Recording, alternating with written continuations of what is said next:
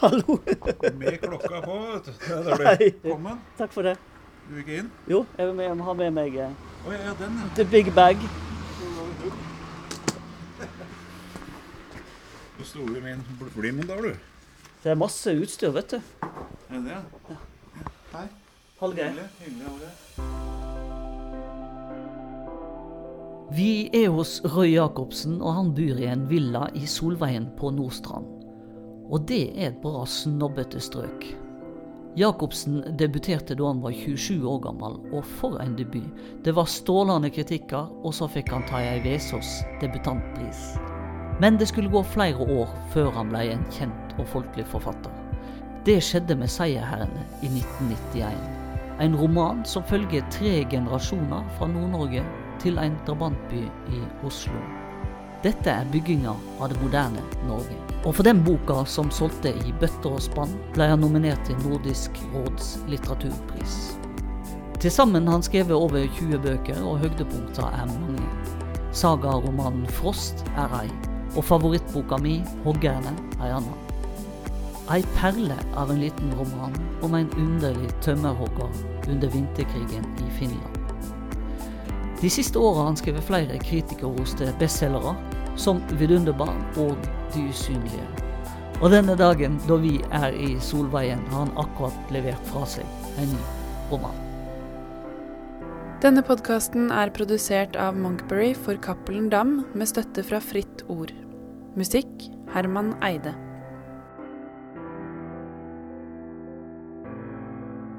Du fortalte nettopp at du leverte fra deg en roman i dag. Ja, i morges. Og bare beskriv den følelsen. Nei, jeg er, jo, jeg, er jo, jeg er veldig spent nå, da. Altså, jeg kommer ikke lenger med det prosjektet. Det er eh, Jeg er i mål. Jeg er møkk lei det. Jeg er blind. Jeg kan ikke se Jeg er ikke i stand til å lese sånn noenlunde objektivt det som står der. Og vurdere det. Og da er jeg ved veis ende. Da er det noen andre som må se på det. Og før jeg får noen tilbakemelding, så er det veldig Ja. Spent. Men eh, det, det er ingen som har lest noen ting? Jo, eh, kona mi har lest det. Jeg stoler på henne, altså. Ja, og, og hun, hun, er, hun er veldig begeistra. Nei, det, det gikk bra. Altså første, og, og det er for så vidt hoved... Hun er jo hovedkonsulenten. Så, så det, det er eh, Altså Hadde du stilt samme spørsmål i går, da før hun, hun leste den i går, fram til i går kveld, så hadde jeg vært uh, mye mindre avslappa enn jeg er nå. Men hun, hun har lest den underveis? Nei, nei, nei. nei. Det, nei, det er ikke noe poeng for meg. Uh, Det er, uh, da blir de en del av prosessen. Altså leserblikket. Det er det jeg er ute etter. Ikke en medforfatter. Hvis hun nå hadde sagt at ja, kanskje du skulle flytte, eller Da ville jeg seriøst vurdert å lytte til det rådet. For det, det er ikke for seint å gjøre noe. Nei, nei, nei, nei, det er ikke for seint. Nå kommer- skal jo Eva Grønne lese, og da kommer vel hun med Vi har jo da eh, den avtalen som vi har hatt siden vi møttes i 1982-83, om at um, hun skal legge alle innvendinger på bordet. Det lytter jeg til eh, med interesse, og følger noen av rådene. Og det er eh, den dagen du er utlært og ikke har noe å lære av andre, så er du jo ferdig, for så vidt. Så, så er man jo også blind på stoffet. Det er ting jeg rett og slett ikke ser. Oi, sier du det? Altså Den opplevelsen uh, hender det dukker opp, ja. Og da, da gjør jeg det. Men liksom de større grepene og uh, jeg, jeg, jeg er nok den type forfatter som liker å gjøre ferdig. Fiks ferdig manus. Eh, Ja. Det har vært eh, tilfeller hvor jeg har gått eh, en runde ekstra, og det har vært tilfeller hvor jeg ser i ettertid at jeg skulle ha gått en runde ekstra, eller skulle holdt på lenger. Spesielt med en roman. Men eh, det Som regel så Nå er jeg i stand til å kunne vente til jeg er ferdig. Altså økonomisk. Men har du, har du en god følelse nå?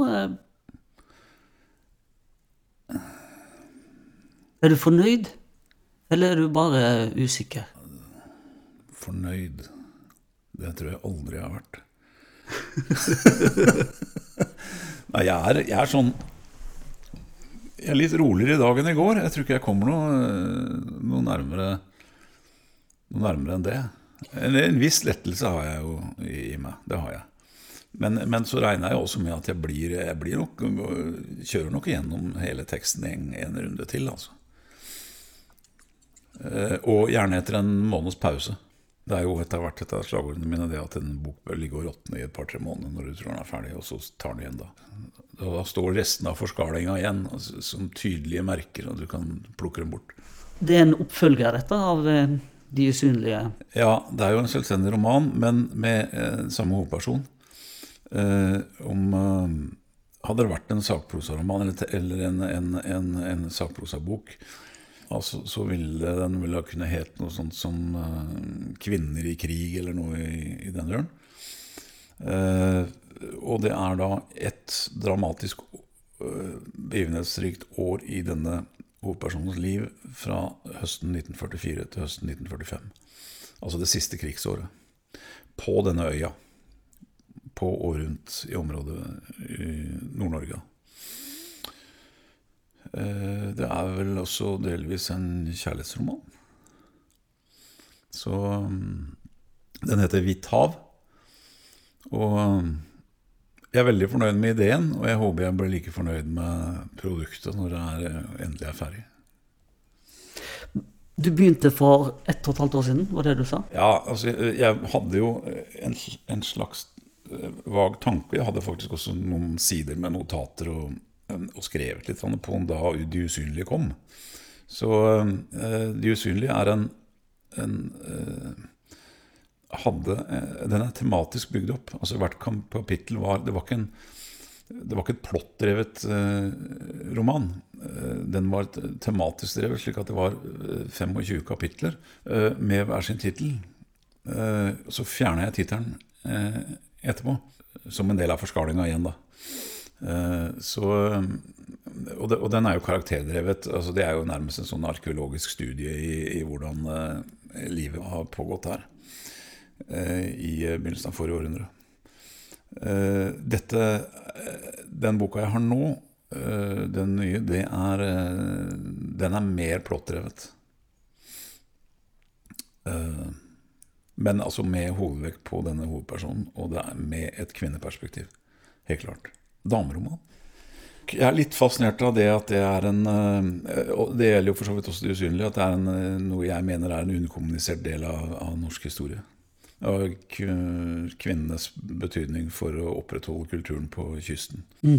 Eh, ikke bare under, under annen verdenskrig, men historisk. hvis vi tar det generelt, når du starter opp, hvordan starter du opp en roman? Jeg er jo den type forfatter som ikke vet hvor jeg skal hen. Eh, jeg drar på oppdagelsesreise uh, ut ifra en idé. Og den ideen starter gjerne med et bilde eller en, eller en, en Og ofte visuelt. At jeg ser noe for meg og som jeg vet lar seg håndtere språklig, verbalt. Og, og, da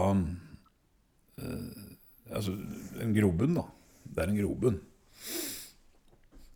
og da har jeg som regel Eh, jeg setter meg ikke ned og sitter og glaner på et hvitt ark og er tom i hodet. Jeg setter meg ned når jeg har eh, nok til en idé, noen setninger.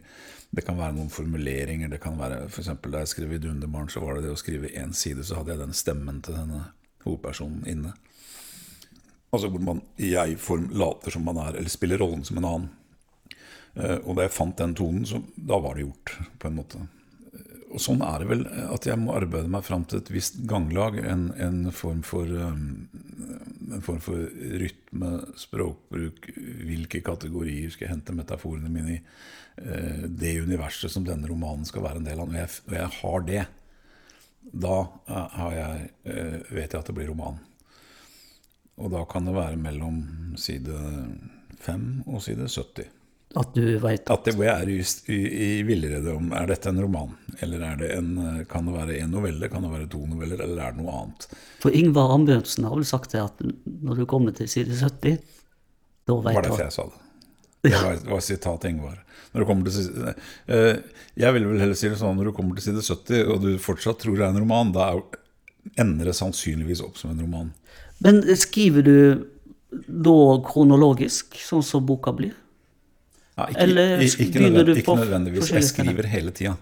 Nå har jeg jo, bruker jeg jo iPhone. da. Altså Jeg sitter skriver på trikken, jeg skriver på, på kafé og overalt. Ja. Når jeg får eh, setninger, notater, eh, ting jeg skal huske på. For jeg, når jeg har holdt på en stund med en roman, så har jeg eh, en meget distré person. Da er jeg da er det bare liksom det som foregår, eller veldig stor grad av min, eh, mitt, min mentale virksomhet er knytta til, til det prosjektet.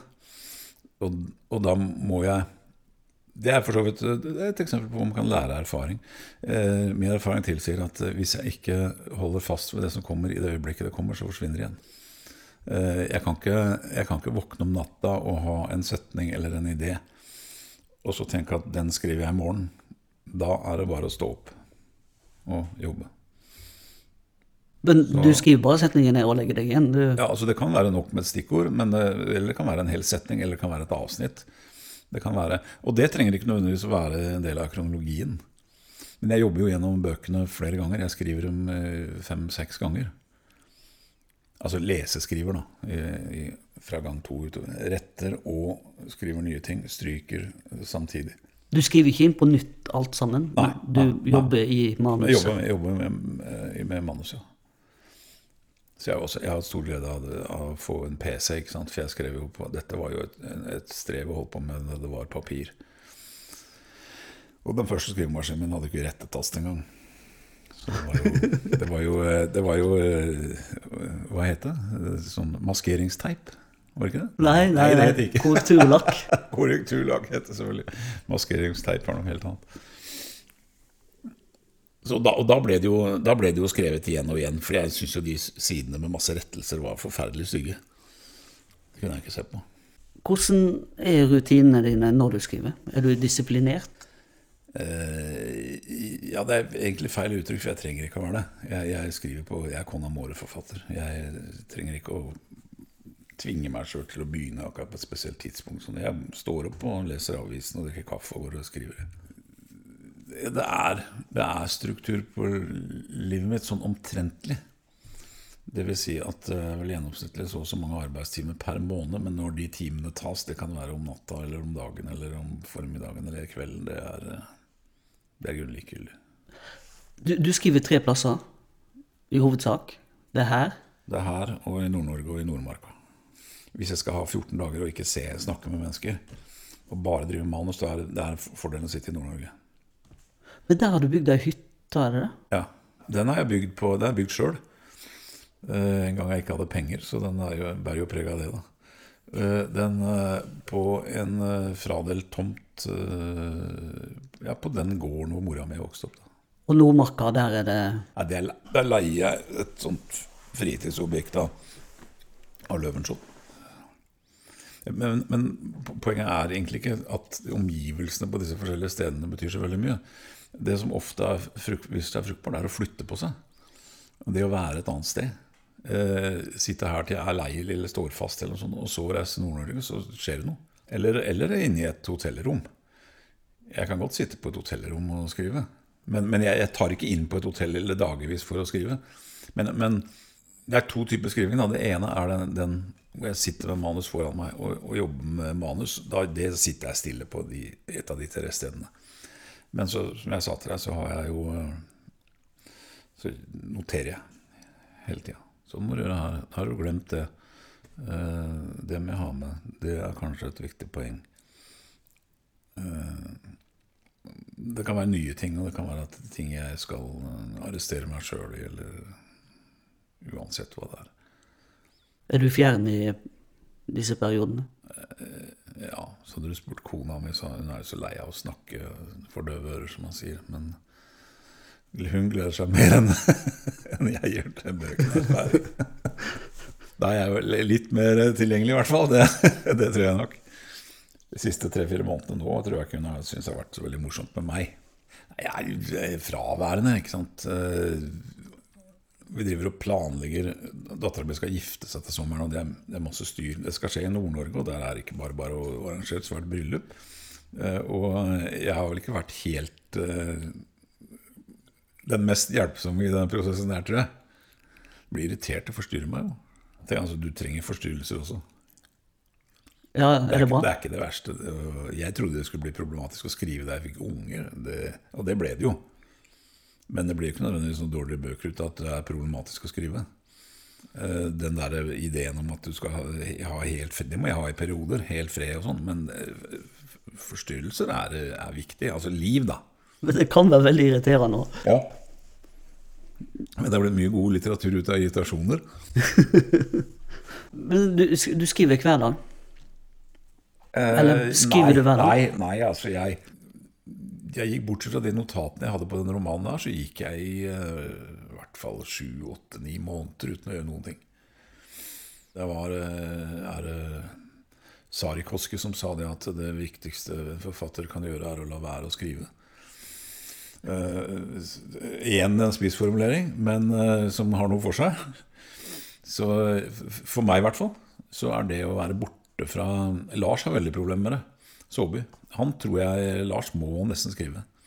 Han, han, han tror jeg er eh, Han er eh, narkoman, eller han er eh, alkohol, workaholic. Jeg er mer sånn periodedranker, tror jeg. Altså jeg kan ha, jeg kan ha perioder hvor jeg ikke, ikke gjør noe, og ha glede av det. Men Hvor du jeg da er full av ord igjen når jeg begynner. Samle opp ord inntrykk. En ting er, også en annen viktig ting er å komme bort fra det forrige prosjektet. Skape en avstand mellom dem. Så det er eh, Det har vist seg viktig for meg. Men ikke noe av dette er jo da er jo da resultatet av en- planleggingsprosess. Det er jo fordi det har vist seg jo Det funker for meg, som vi sier. ikke sant? Å ha det sånn, da. Men føler du ikke i de lange periodene at du ikke gjør noe nyttig? Eh, Jeg gjør alltid noe nyttig i mine egne øyne. Eh, Jeg har for det første aldri ferie.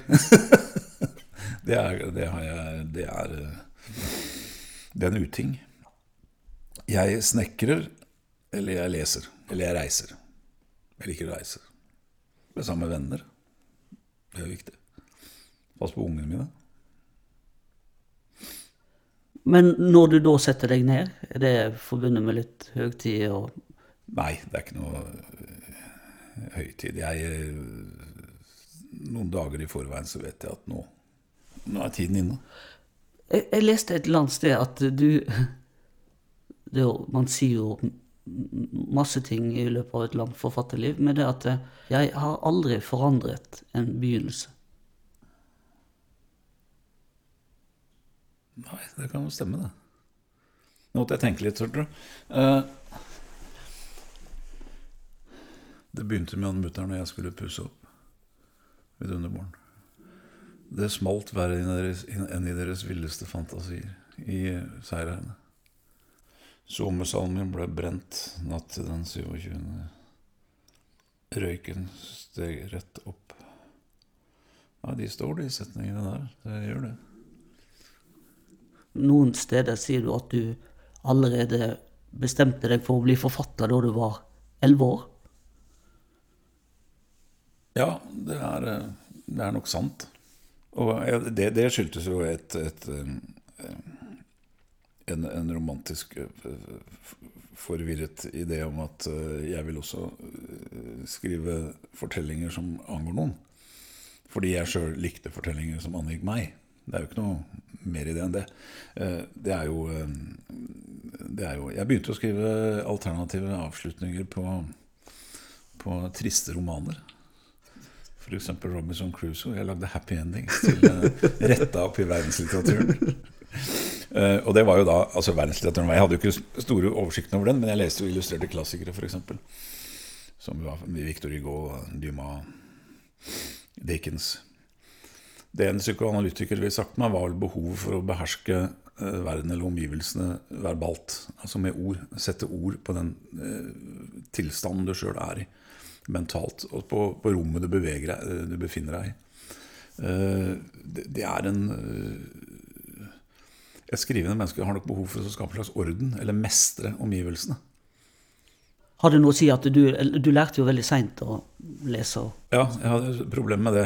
Nå tror jeg ikke det var noe alvorlig form for dysleksi. Det var bare at jeg hadde, dette var kombinert med en, en lærer som jeg Hun og jeg fant ikke ut av det med hverandre. Hun så ikke meg, og jeg skjønte ikke noe hva han holdt på med. Jeg var livredd henne, og det, var, det, gikk veldig, veldig dårlig. Så jeg lå etter. Eh, så var vi på Jeg gikk på Sinsen folkeskole. Der hadde vi en eh, Allerede den gang så hadde man da i sin visdom eh, det som vi barna ville kalle den snilleste læreren på skolen, som var veldig flink til å tegne. Jeg var også ganske god til å tegne. Eh, han hadde satt opp eh, shop nede i kjelleren og drev og plukka ut eh, elever fra de forskjellige klassene som hadde problemer. Og tok dem med ned der. Og der hang det bokstaver rundt på alle veggene og satt sammen ord og denne mer sånn lekende tilnærmingen til, til faget, eller til, til, til skriftspråket. da. Eh, og han knakk, eh, eller vi da, sammen knakk koden der nede i løpet av en 15-20 timer, tror jeg. Men så sleit jeg mange år med dobbeltkonsonanter og eh, mye ortografisk tøys, altså. Men hvor gammel var du da? Eh, nei, nå er vi vel i eh, annen tredjeklasse, tenker jeg, på skolen. Og vi begynte jo i sjuårsalderen. Jeg var åtte år. Da du lærte å skrive? Ja, lærte og lærte. da. Jeg, liksom, jeg følte at det ikke bare var kaos. Så det var, eh, men, men jeg, har, jeg, har, jo alltid vært rapp i kjeften. da. Altså, Jeg var flink i gata.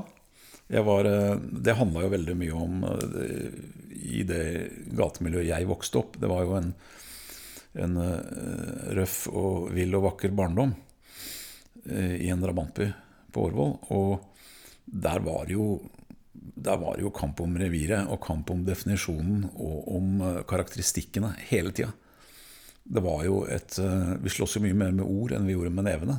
Selv om det også forekom. Så, eh, og det var jeg god i. Jeg var mye bedre i gata enn jeg var på skolen. Og det var jeg gjennom hele, ja, helt opp til jeg eh, begynte på gymnaset. Jeg var ikke noen skolelyser i det hele tatt. Jeg måtte, tvert imot, jeg måtte gå tiende klasse for å komme meg videre på gymnaset. Det skyldtes primært at jeg ikke var noe særlig på skolen i tiende klasse.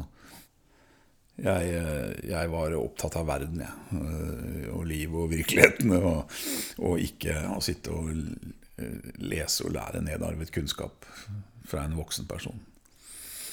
Hva syns mor og far om dette? Nei, Det var, det var, en, det var et slit for dem. Mora mi hadde autoritetsskrekk, og hun hadde tre år på skolen og kunne ikke skrive sjøl. Så det var, eh, for henne var dette her en reprise på egen tristesse. Så de syntes dette var jævlig. Men også var det, det, det betydde også at hun ikke tok grep. da. Hun møtte ikke opp på skolen og sa nå må dere faen meg sørge for at denne gutten lærer noe. Hun kom ja, kanskje var på et foreldremøte eller to. Faren min var aldri på noe. Han tok heller ikke noe grep? Nei. Han jeg, Altså En kombinasjon av latskap og, og se til siden og, og håpe at det går bra. Eh, og kanskje at han stolte litt på meg òg. Han skjønte kanskje at jeg ikke var så jævla dum. Leste du mye? Ja, og jeg har alltid lest. Eh, eh, det var ikke Det var mye flottsmus. Altså Morgan Kane, det var Detektivmagasinet, det var Men det var også Jack London. Jeg begynte tidlig å lese, inspirert av en venn av meg, Vesaas.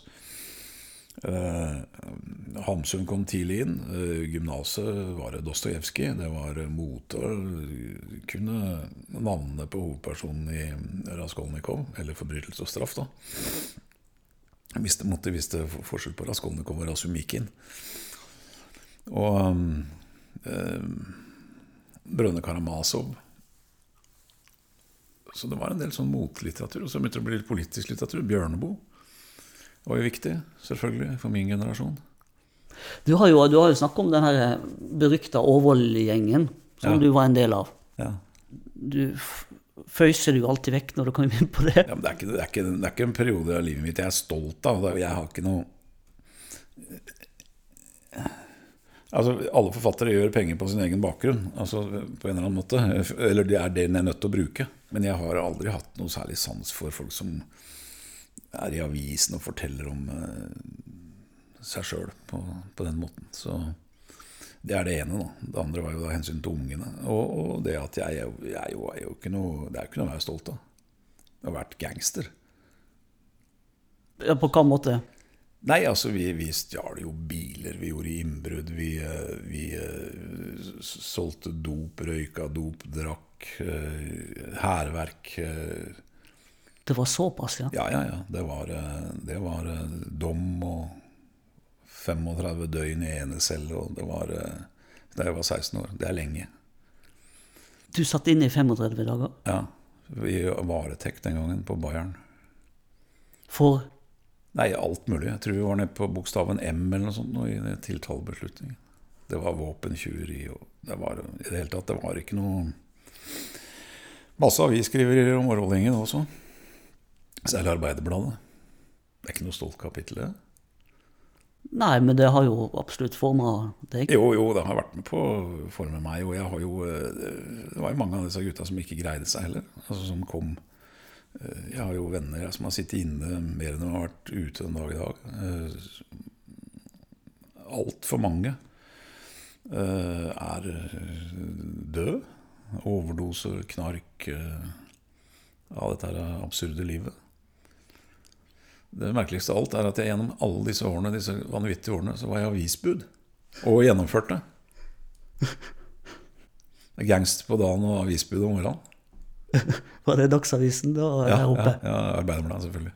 Ja. I eh, fire år. Fra jeg var 14 til jeg var 18. Så da kunne du eh, lese, Hver morgen. da kunne du lese, om, lese om deg sjøl og dine bedrifter? Jeg sto da med Årvoll-gjengen i Arbeiderbladet. Jeg må, det handla jo også om at jeg måtte ha jeg kunne ikke, Alle pengene mine kunne ikke stjele dem. Jeg måtte jo tjene penger. Vi fikk jo ikke penger hjemme. Jeg, måtte få, jeg skulle jo ha stereoanlegg, jeg skulle ha fotoutstyr. Det å bli omtalt i eh, Arbeiderbladet for en ung småkriminell, var det, en, eh, var det kult, eller var det skremmende? Ja, det var begge deler. Og så var det jo gjerne sånne notiser. Da. Nå har det vært hærverk på Årvoll-senteret igjen, og Årvoll-gjengen er tatt, og det er eh, innbrudd i villaer og alt sånt. Så Var det en konkret hendelse som fikk deg ut av dette? eller? Uh, Ja, altså det var vel en kombinasjon av det at jeg på, da jeg var 16-17 år, hadde sittet inne da den sommeren, husker jeg, og fikk en dom på et halvt år etterpå. Den ble gjort betinga fordi jeg hadde begynt på skolen. Jeg begynte på gymnaset. Eh, Først så slapp jeg ikke inn da heller. Det var, det var, eh, det var eh, Du måtte ha en viss sånn karakter for å komme inn. Du måtte ha noen, tror jeg vi hadde ikke den gang. Eh, Men hvis jeg la sammen karakterene fra den elendige 9. klassen med den 10. klassen, så tror jeg jeg fikk da noen i Altså, jeg hadde vel ikke da i, i eh, fra 9. klasse. Hvis jeg da hadde noen i 10. klasse, så kunne jeg ta med den, og vice versa. Så jeg kom jo først ikke inn på den skolen. Men da gikk jeg ned sjøl og så ba om å få snakke med rektor i eh, begynnelsen av august det året, og sa det at jeg vil begynne her, jeg har karakterer, se her, sammenlign 9. og 10. klasse. Og det gjorde jo antagelig litt inntrykk på dama, for hun sa ja, ok, greit, du får begynne i 1RA. Og jeg kom hjem, da mora mi veldig stolt av meg, husker jeg. Det hadde jeg aldri turt, sa så, men det viktigste var nok reaksjonen til foreldrene mine. Altså de, de, de, de aller fleste i den gjengen, de kom jo fra altså De kom på en måte til verden uten matpakke og uten oppdragelse og uten noen ressurser hjemmefra. og det var ikke noe særlig. Jeg hadde ressurser hjemme. Eh, Foreldrene mine var ganske smarte, selv om de hadde, om de hadde yrker som eh, ja, Faren min var gravemaskinkjører, og mora mi jobba på samlebånd på Freia. Så eh, det var reaksjonen deres som gjorde inntrykk på meg. Men hva jeg skulle fortelle, så kom jeg på skolen, og så husker jeg traff igjen en av fyr som jeg hadde gått i klasse med i, i alle år, som da gikk i annengym. Og som så på meg komme inn der og sånn Går du her? Da, liksom, da fikk du den følelsen at eh, Da gikk det en faen i meg, er det det heter? At uh, han klovnen der, han skal jeg slå. Jeg har jo alltid hatt litt idrettsgen, da. Så Så da ble du motivert? da Det motiver, motiverte meg, og så begynte jeg jo å få eh, glede av det. Altså personlig glede av det. Løse oppgaver, mestre ting. Eh, interesse for historie, ikke sant? Eh, som jeg alltid hadde hatt. Da. Eller ikke alltid. Det, Men det var spesielt realfagene, da, så jeg var, jeg var opptatt av. Sånn midt i treagium så ga jeg mer blaffen igjen. Så jeg har ikke, jeg har ikke noe spesielt watcher, men den er grei nok firere, tror jeg, hele veien. Men eh, jeg, midt i treagium, da var jeg veldig god. Og, men da, eh, akkurat som lufta gikk ut av, litt ut av ballongen min, da begynte jeg å Da leste jeg for mye annet. Da leste jeg historie, litteratur og andre ting som gikk utover rett og slett skolearbeidet. Eh, og så var det noe med at jeg følte at jeg hadde greid det. Jeg hadde virkelig greid det. Å bli bedre enn han tullingen både i matte og fysikk. ikke sant? Han skolelyset. Så Ja, og da skulle jeg ut og se verden og sånn, så begynte, mens jeg å studere. Da. Jeg begynte å studere matematikk. Og var, eh, tok noen kurs. Det var jo vekttallskurs den gangen. ikke sant? På Blindern? Ja, på Blindern. Og der fløyt vi også, fordi vi hadde hatt de gode lærere, så fløyt jeg jo på altså FO12 og MA101 og MA102. Så fløyt vi jo veldig mye på det vi hadde fra gymnaset. Det er helt gresk for meg, men Ja, ja, men dette, var altså da, dette er grunnkursene i matematikk da, som du bygger opp et, et grunnfag på. Jeg har ikke grunnfag, men jeg tok de første to-tre kursene. Så begynte jeg å studere sosiologi, og tok det samtidig. Og det handla jo om interesse, min interesse for, for samfunnet og, og verden. Og der var det veldig spennende lærere og meget spennende litteratur. Eh, men så den sommeren, etter at jeg har vært ett år på Blindern, så var jeg i Nord-Norge. Og jeg er jo Jeg er tremenningen til Steinar Bastesen. Og faren hans, altså min mors fetter, eller, eller er det onkelen hans, det er jeg litt usikker på, det spiller for ingen rolle. Men i alle fall faren eller onkelen hans var da min mors øh, fetter, ja. Og de var på besøk hos oss og, og skulle hente en De var fire mann på, på hvalfangst. Med en båt som het Klara. Hvalfanger i Vestfjorden og uh, Trænabanken, uh, Vesterålen. Og han fyren han rykket på fylla, og vi fikk ikke med han. Og over kaffe og vafler hjemme hos oss da, så ser han på meg over bordet, han denne gamle eh, Sigvald Bastesen, og så sier han at du skal nå bare være med, Roy. Hæ? Og jeg så meg rundt bordet. Jeg hadde med til og med meg kjæresten min, husker jeg. Og vi hadde en uke igjen av ferien eller noe. Denne hvalfangsten er i juli. Ja. Og da ble jeg Nord-Norge. Elleve år. Etter hvalfangsten så var det sild, sildesalting siste året de fanga sild i Lofoten. Og på vinteren så var det da linefiske. Det høres romantisk ut, men det ja. var et Nei, det forferdelig slit. Ja. Jeg lurte på første gang når vi kom ut Jeg hadde jo ljuget meg med her. Jeg hadde sagt at jeg var vant linemann. Men det Da hadde båten ligget i fortøyningene i hele jula. Og vi skulle på yttersida og sette den 2. eller 3. januar. Og da var det, det var, Den vinteren var det ekstremt mye snø i Lofoten. To-tre meter høy. Det var sånn biler bare forsvant. Da var det halvannen meter snø på båten òg. Og så gikk inn i styrehuset halv fire om morgenen. Stappmørkt, dårlig vær. Så sa jeg til han skipperen, spurte jeg han skipperen om skal jeg, skal jeg spyle dekket. Og han sa sånn på meg, da skjønte han at jeg hadde bløffa. Da sa han du skal snart få se hvem som spyler. Så kom vi gjennom molokjeften inn i det første fjellet av havet. Det var ikke et snøfnugg igjen på båten. ikke sant? Men det var, det, var, det var, tøft. Men jeg fiksa det òg. Det var, det var Vi fikk sove noen timer. Og jeg var ikke sjøsjuk. Jeg hadde størst problem med at jeg slo meg så jævlig. Det er jo et tivoli uti der. Ja, Du blir kasta fram og tilbake? Ja, ja, hele, hele tida. Og så skal du stå oppreist på et dekk og være mer eller mindre under havet hele tida. Mellom 8 og 18 timer i døgnet. Dette er jo elitearbeidere i Lofoten. Det er jo et fåtall av de som eh, bor i Lofoten, som driver med dette. her, Som er på havet. De aller fleste er jo på land. Bearbeider fisk, egner line.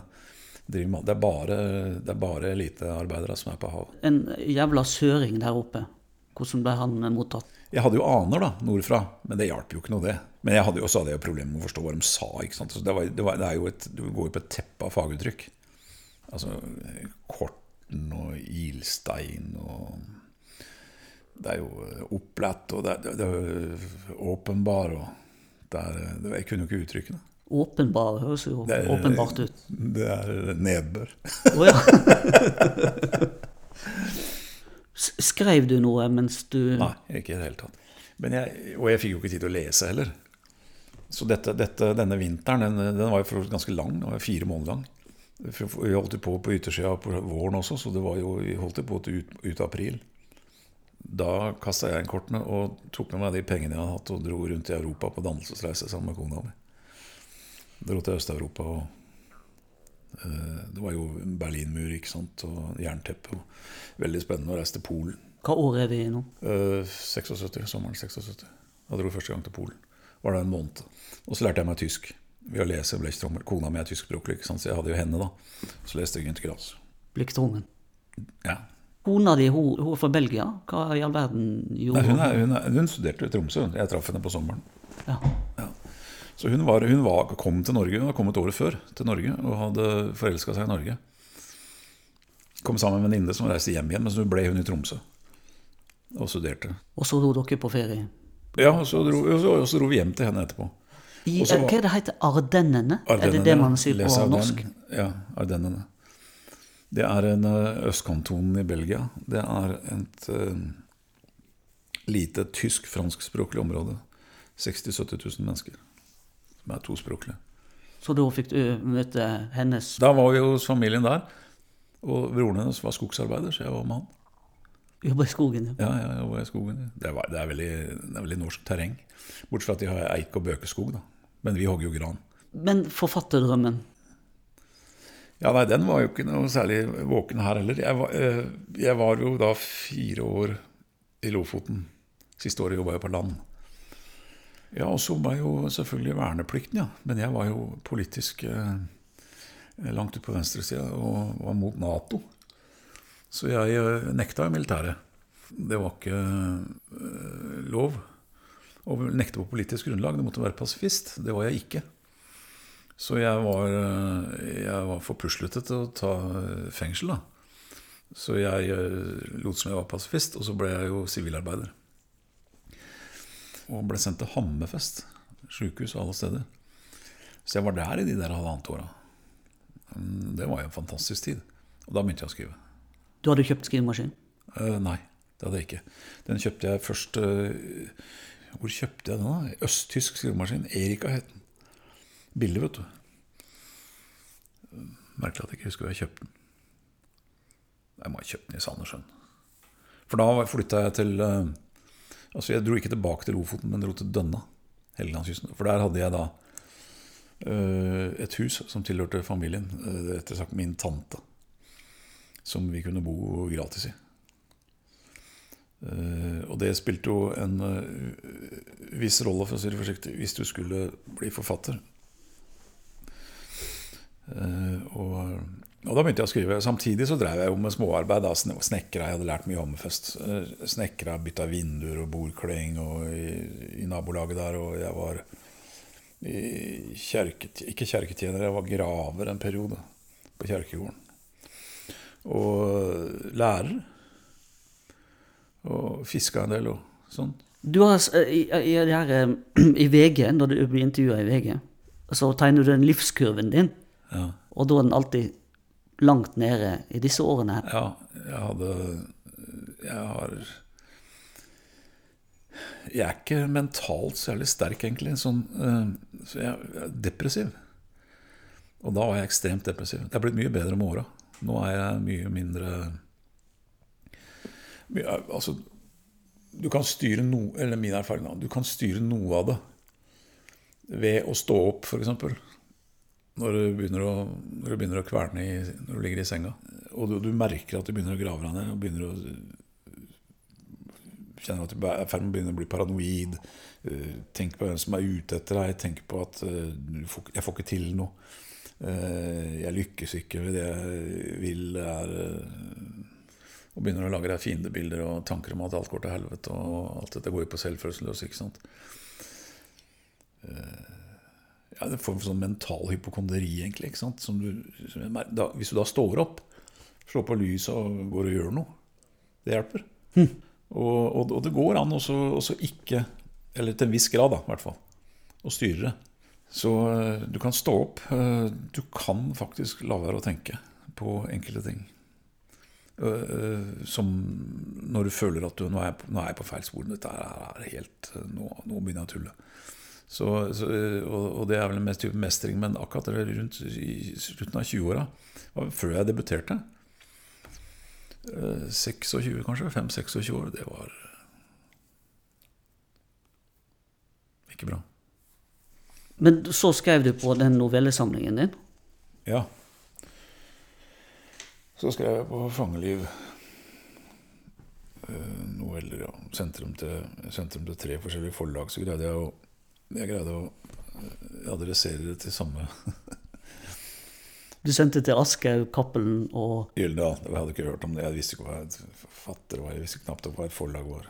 Du sendte det 20. mai 1982. Ja.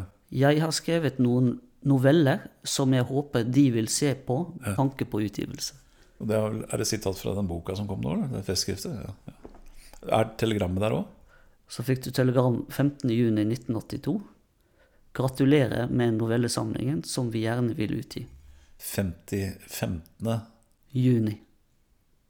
Vi har brukt fire uker på å lese. Det er ikke lenge. Da fikk du en liten boost. Ja, ja, ja. Og jeg, jo, jeg var jo kjempe, kjempehøy. Eh, Jeg trodde jo at eh, eh, Jeg husker ikke så tydelig. Jeg vet ikke om det var så traumatisk på den positive siden av skalaen som, som, som det. Men jeg husker at jeg ble veldig glad. Og jeg husker at jeg, jeg trodde jo faktisk i mitt enfold den gang at nå er jeg sikra et slags livsgrunnlag. Nå kan jeg bygge det huset jeg har lyst på, nede på haugen der. Bare tull, vet du. Fikk jo solgt vel ingenting. eh, Og, men jeg fikk Vesaas-pris på 8000 kroner, tror jeg. Og eh, tja, ja, så var innkjøpsordningen Jeg tjente kanskje 50 000-60 000 da. I 1982. Men da trodde du at eh, nå begynner det. Nå begynner det, tenkte jeg. Og så skrev jeg en roman som jeg allerede den kom, ikke var spesielt fornøyd med, fordi ja, det var egentlig bare en novelle. En utvida novelle som het 'Hjertetrøbbel'. Men så skrev jeg 'Tommy'. Den var jeg stolt av. En cowboyroman fra Groruddalen. ikke sant? Som omhandla ditt liv. Ja, ja, det er vel drøyt sagt, men altså miljøet mitt jeg kunne jo, jeg kunne jo Akkurat som en seieren er jo ikke mitt, mitt liv i det hele tatt, det er bare mitt miljø. Det er det som er interessant. Det er, jeg er ikke så interessant som person. Jeg er jo interessant i den grad at jeg kan formidle et, et miljø eller en tid eller noe sånt. Og så skrev jeg da den, den nye vannet, som jeg var kjempefornøyd med sjøl. Det er faktisk en av mine største suksesser. Jeg tror jeg er oversatt over 20 språk. jeg. Og fikk pris i en sånn romankonkurranse. Solgte heller ingenting. Det Derfor så- ingen av disse solgte noe. Nei. 600-700. Ja. Tipper det. Ingen av dem solgte en dritt. Så kom Virgo. Så kom Virgo, og den, det er den boka jeg nevnte i stad som jeg ikke var fornøyd med. Fordi jeg rett og slett ikke var ferdig, og jeg skulle gått videre. Men hvor jeg fikk et tilbud som jeg ikke kunne si nei til, fra eh, Bokklubben Nye Bøker. Som gjerne ville ha den. Hovedbok i oktober, ikke sant. Betydde 40 000 solgte. Og, eh, det er ikke noen dårlig bok, men jeg skulle bare ha gjort den ferdig. Så du leverte fra deg noe du egentlig ikke var Ja, fornøyd med. ja, jeg sa ja, ja, men kan ikke vente. Kan ikke forhandle han til neste år, eller uh, Nei, nei, nei, nei den er ferdig. De, greier vel å være, de, flatterte meg vel, ikke sant. Si at boka var ferdig, den var fin og sånt. Jeg visste, jeg leste korrektur med, med Uff a meg. Det var fælt. Jeg hadde en novellesamling vel året etter, tror jeg. Det kan komme noen. Fikk jeg kritikerprisen for. Solgte heller ikke noe. Og så var det jo seierherrene som ble Ja, først kom ei barnebok. Ja. Ursula. Eh, Den måtte skrives Vi venta jo vårt andre barn, som ikke kom. Og så gikk dagene. Det gikk 14 dager over tida, som det heter. Og så da måtte jeg ha noe å drive med de 14 dagene. Da skrev jeg den boka. Og så er det noen som sier at det er like vanskelig å skrive for barn som for voksne. Det er det ikke.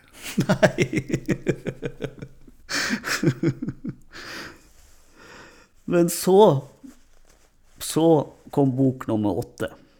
Den brukte jeg tre år på, i hvert fall. Så jeg holdt vel på med fra Virgo jeg er utover med den. Og den skrev jeg delvis i Belgia, delvis i Trondheim. Da, jeg måtte jo bo i Trondheim i og med at vi hadde barn. Annelise tok doktorgrad der. Og delvis i USA. Og da kom vi tilbake fra Boston i begynnelsen av desember eh, i 1990. Og da dro Annelise med begge småungene til Belgia for å være der i ja, De var der nesten en måned, tror jeg. Og da satt jeg og skrev ferdig serien. Jobba dag og natt. Gjennom hele jula. Ikke juletre, ikke julemat, ingenting. Jeg skrev enormt mye i løpet av de. Det var sånn knausgård-følelse, tror jeg. Jeg hadde den, eh, den jula, og, og da fortsatte det utover våren. Men, og jeg var jo, syntes jo det var en fin bok, og Per, eh, forlaget og Eva var fornøyd. Eh, Men jeg hadde ingen anelse om at det skulle bli den suksessen. Den kom seint på året òg. Og eh, da jeg hørte at førsteopplaget var på 5000, så det var besvime. Og så før jeg hadde fått den trykkeriseddelen, så dukka det opp en til hvor jeg hadde bestilt fem nye. Og uka etter hadde jeg bestilt ti nye. Og så 15 og 5 og 10. Og så, sånn, så den kom i Jeg tror pinadø greide å gi ut den i 6, 7, 8. Kom i 100 000 Første- kjenner, til slutt.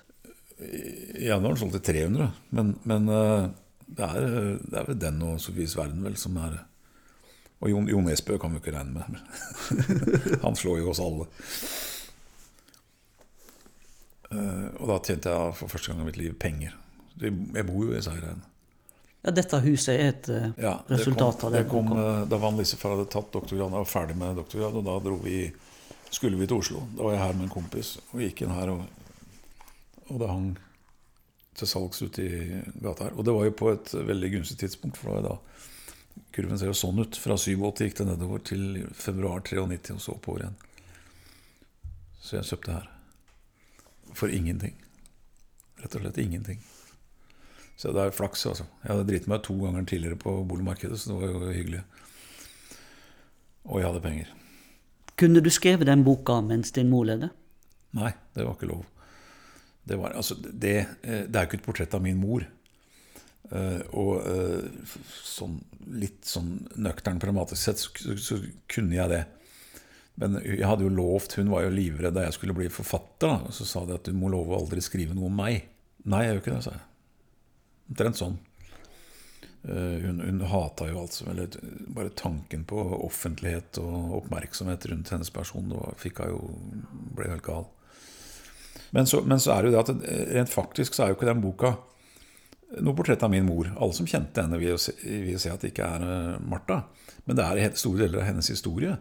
Min mor hadde det for det første mye jævligere barndom enn Martha hadde det. Martha hadde jo ikke noe så tung barndom. Det er mer sånn average eh, fattigdom. Så, eh, så vil jo alle likevel knytte hennes navn til den. Så svaret er vel egentlig nei, jeg kunne ikke skrevet den da. En annen ting var det også, også fri det, eh, Hun døde jo i en bilulykke i 1986, dessverre altfor tidlig. Så, eh, men det, det at hun ikke var lenger, da, det, det gjorde meg nok også litt friere. Skal ikke se bort fra det.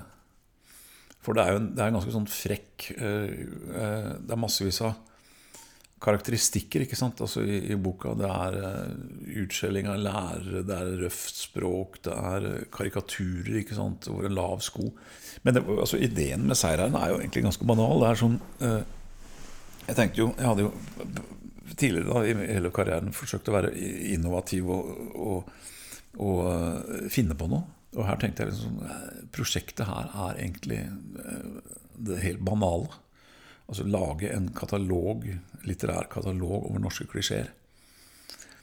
Altså det, det grunntypiske. Hvor eh, bra planke det ble, det oppdaga jeg først etter at boka kom ut.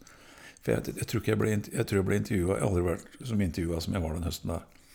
Og hver eneste forfatter, nei, journalist jeg snakka med, sa at det er akkurat som min familie. Og det var det som traff folk hjemme. Da. Det er jo ikke noe det er jo, altså, igjen, Hvis du skal selge bøker altså, Det kan være sånn formelt sett så, så smalt det vil, men hvis det er et element av gjenkjennelse, så er du på Da gjelder det. Men det var ikke så bevisst. Nei, nei, overhodet ikke. Eh, Jeg, eh, ja, altså, bevisst og bevisst. Altså, alle, ja, alle mine bøker er skrevet med et håp om at noen skal gidde å lese dem. Og så mange som mulig. Jeg legger ikke skjul på det. Men jeg vet jo også det at dette er en smalere roman. Jeg 'Hoggerne', f.eks. Jeg forventa jo ikke det store salget av den. Eh, Jeg hadde håpa at Frost skulle gå bedre enn den gjorde, sånn, men det var for så vidt ok. Eh, Men da var jeg jo, på det, nå er vi oppe på 2000-tallet, da, var jeg- da var jeg erfaren. Da visste jeg hvordan markedet fungerte. Og jeg hadde, ikke begrepet om at det fantes et marked for bøker på det tidspunktet da seirene kom. Men hvis vi tar Frost Da da rykker du tilbake i 1000 år i tid. Og jeg lurer på, hvordan i all verden har du klart å gjøre research til den boka? Ja, det er, men det er eh, Con Amore, det er livsløp. Dette er litteratur som har interessert meg siden jeg gikk på skolen. Sagalitteratur. Ja. Og altså, Njål Saga er jo en av de store romanene i, i verdenslitteraturen. Og den tror jeg jeg har lest ti ganger. Så hadde jeg da lest en saga som ikke er Den er oversatt nå. Den ble oversatt nå først i fjor til moderne norsk, som heter Heidar Viga-saga. Der er det et lite portrett på tre-fire sider om denne Torgeste Torallasson. Den lille løgnhalsen. Denne mannen som eh, til en alder av 13-14 år klarer å hevne faren sin og ta livet av, drepe en av Islands største høvdinger. Eh, Bringe landet til randen av eh, borgerkrig. Om å rømme og leve på rømmen resten av livet. Tre sider. tenkte jeg, Den mannen fortjener en roman.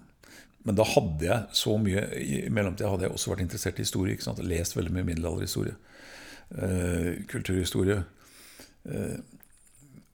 Følte meg ganske trygg på stoffet. Det er, ikke en, det er ikke en roman du setter deg ned og lager research til. ikke sant?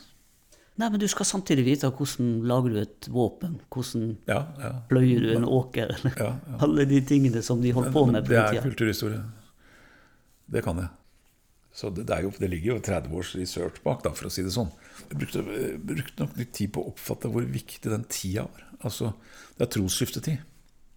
Altså den egentlige norske Eller gullalderen i norsk kultur eh, er da. Det er ikke Ibsen og Bjørnson og disse. Det er nå. Nå kommer skriftspråket til Nå kommer Gud til landet. Nå kommer historiefortellinger, nå kommer eventyrene, nå kommer, eh, nå kommer til og med grammatikkene. Eh, og alt dette er bevart. F.eks. Island som samfunn har jo beskrevet sin egen tilblivelse i Landhammer bok. Og hvor, hvor viktig og hvor rart det må ha vært å leve i en sånn brytningstid. Trosskifte er ikke noe det er ikke småtterier. Altså. Det er store greier. Og så plutselig så kan du skrive. Så hukommelsen blir materialisert eksternt utenfor menneskehjernen. Før dette så kunne love seg en mann 400-500 sider prosa utenat. Den solgte ikke all verden, den. Jo 18-19, kanskje? Var det såpass, ja? Ja da. Nei, nei, det var ikke noe, var ikke noe dårlig, det. Jeg var litt, eh, jeg var litt skuffa. Jeg hadde tenkt at det, dette må jo være Dette kan jo kanskje komme inn i det I det uh, seierherresegmentet for Kanskje. Men uh, interessen for uh, Det fikk jo kjempekritikker, så det var jo ikke noe der å hefte seg ved. Så uh, det tror jeg rett og slett at det der gjenkjennelighetsaspektet var ikke så sterkt. Og heller ikke interessen, da. Altså for, for eh, norsk forhistorie. Men så kommer den her hoggerne, som er jo min Du hopper over grenser. Ja, vi har hoppet over fugler og soldater i nye vinduet. Gå på over grenser.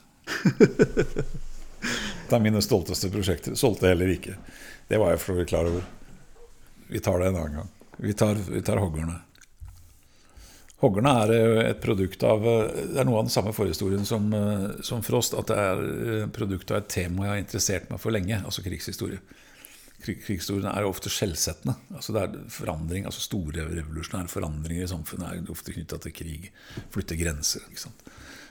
Og Finland har alltid interessert meg. Sånn, Finland er et rart land i Norden. Det er som å komme hjem i et fremmed land. Alt er veldig veldig norsk. Når som å komme til Norge på 50-tallet, så er det samtidig det moderne Canada. Alltid likt meg Finland. Jeg er glad i finsk musikk og litteratur. Og, så jeg har reist mye der. Og blant annet interessert meg for vinterkrigen. Og jeg bare fikk den ideen. Min, min mann Timo er jo da en outsider. Jeg, det er Mange forfattere liker outsidere, for det gir den helt selvfølgelige delen at når du skriver om outsideren, så får du kontrasten til det, til det alminnelige. Så det er jo Du får mye gratis der. Eh, Det andre var jo da det lille mennesket i den store maskinen som er historiens gang.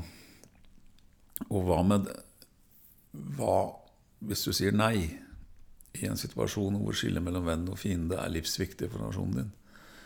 Hva må til for at jeg skal kunne Er det, er det mulig? Nei, det er antagelig ikke mulig. Eh, da må du skrive om det.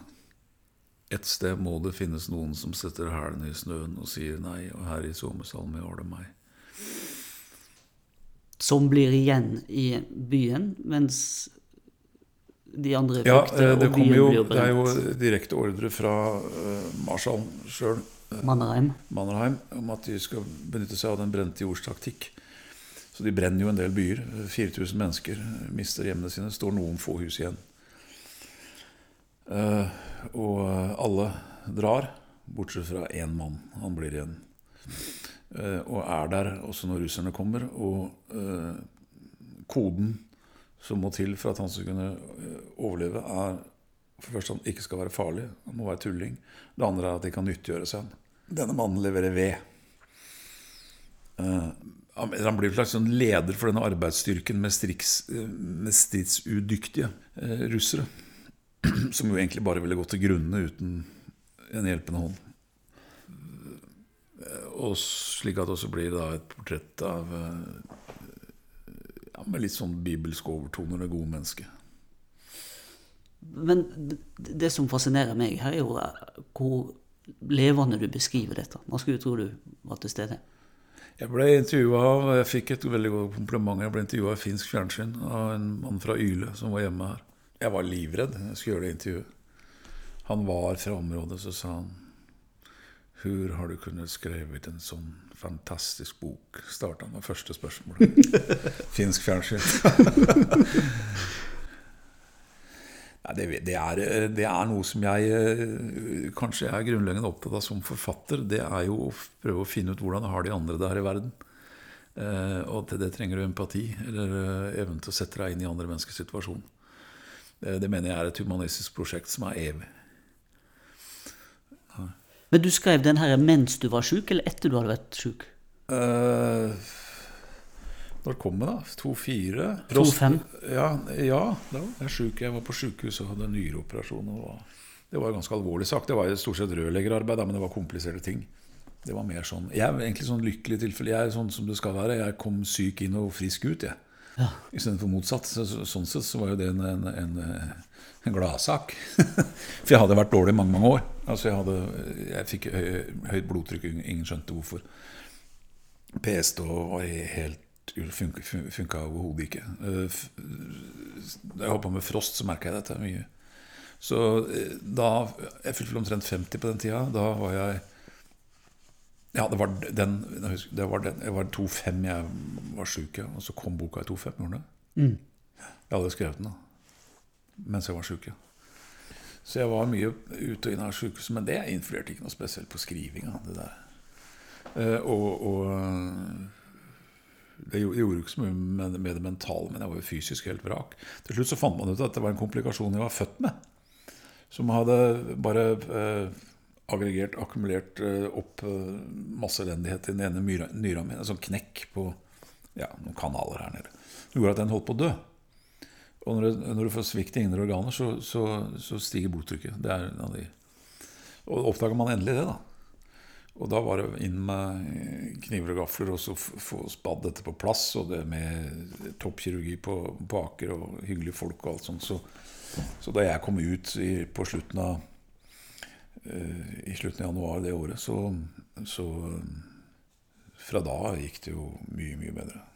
Så det var bare litt Jeg, jeg, justeringer jeg mister den nyra, det gjør jeg. Men den er i ferd med å dø nå. Men jeg har jo den andre. Så, så jeg er i bedre form nå jeg, enn jeg var på det slutten av 40-årene. Sånn skal det være. Man kan leve godt med ei nyre. Ja, ja, ja. Jeg har, jeg har jo selvfølgelig lest meg opp på dette. Det har statistikk på, det finnes statistikk på, på gjennomsnittlig levealder for folk med én og to nyrer. Det er, ikke, det er ikke mulig å spore noen forskjell. Det, du har jo en gang sagt når du skriver, blir du egentlig aldri helt ferdig, og aldri helt fornøyd. Nei. Ja, er du 100 fornøyd med barna dine? Ja. Uff, nei, den var vond. Ja. Nei, jeg vet ikke om man skal være fornøyd. Jeg får heller si at det var jævlig kravstort da, å være fornøyd. Eller motsatt, jævlig kravstort å være, aldri være fornøyd. Som Ingvar Ambjørnsen sier, det er mange gode grunner til ikke å være forfatter. en god grunn til å være det hvis du er eh, ensom. Hvis du tåler ensomhet. Jeg har veldig mye venner, men jeg, kan, jeg, jeg er veldig glad i å være aleine i lange perioder. Koster meg ingenting. Det er vi snakka om i stad, depresjon og sånn, har ikke noe med det å gjøre. Det kan være like gjerne være sammen med folk, eller midt i en by som ute på landet. Helt uavhengig av omgivelsene. Jeg, jeg liker å være aleine. Og liker å, være, å ha fullt, eget fullt herredømme over det jeg skal skrive og lage. og sånn. Men, men det, det, tror jeg alle forfattere må kunne være aleine. Ja. Du har jo også sagt at eh, det er en fordel å være sær og asosial. Ja, det er jo flere sider. Det ene Ved å være sær og asosial så veit du hvordan det er å føle seg utafor. Og hvis du i tillegg da er opptatt av å bruke knepet med, de, med outsiderne, og i tillegg sympatiserer med outsiderne, så er det mye gevinster å være sær.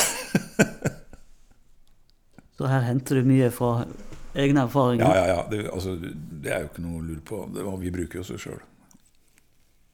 Jeg var mye, jeg er mye mer Det er også et forferdelig ord. da, Ydmyk. Jeg er mye mer ydmyk nå enn jeg var tar ikke, noe som en selvfølge, eller tar ikke ting som selvfølge lenger. Og mye mer cocky da jeg var ung. Uh, mye mer gi faen-mentalitet. Men uh, det, er mye, det, er mye, mer alvorlig. Det er sånn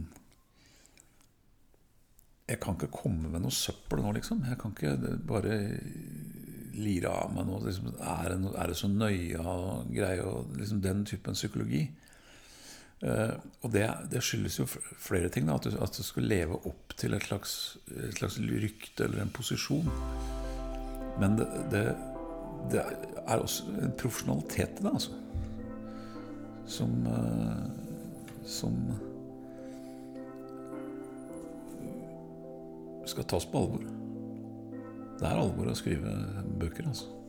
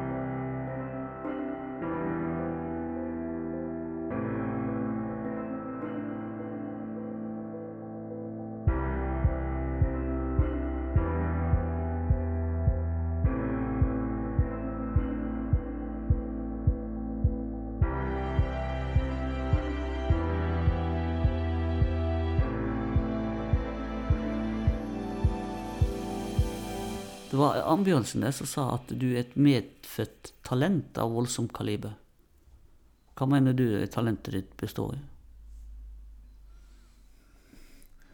Jeg har jo Jeg er jo ikke produkt av noen skole. Jeg har ikke vært med et miljø. Jeg har ikke vært med et tidsskrift. Jeg har ikke vært Jeg har ingen utdannelse. Jeg har alt, lagd alt sjøl. Eh, jeg tror jeg skjønner meg på storytelling. Altså på på hva språk er og ikke er. Hva det kan være. Hvilke muligheter som ligger i uh, tastaturet. Uh, jeg tror jeg skjønner på mennesker.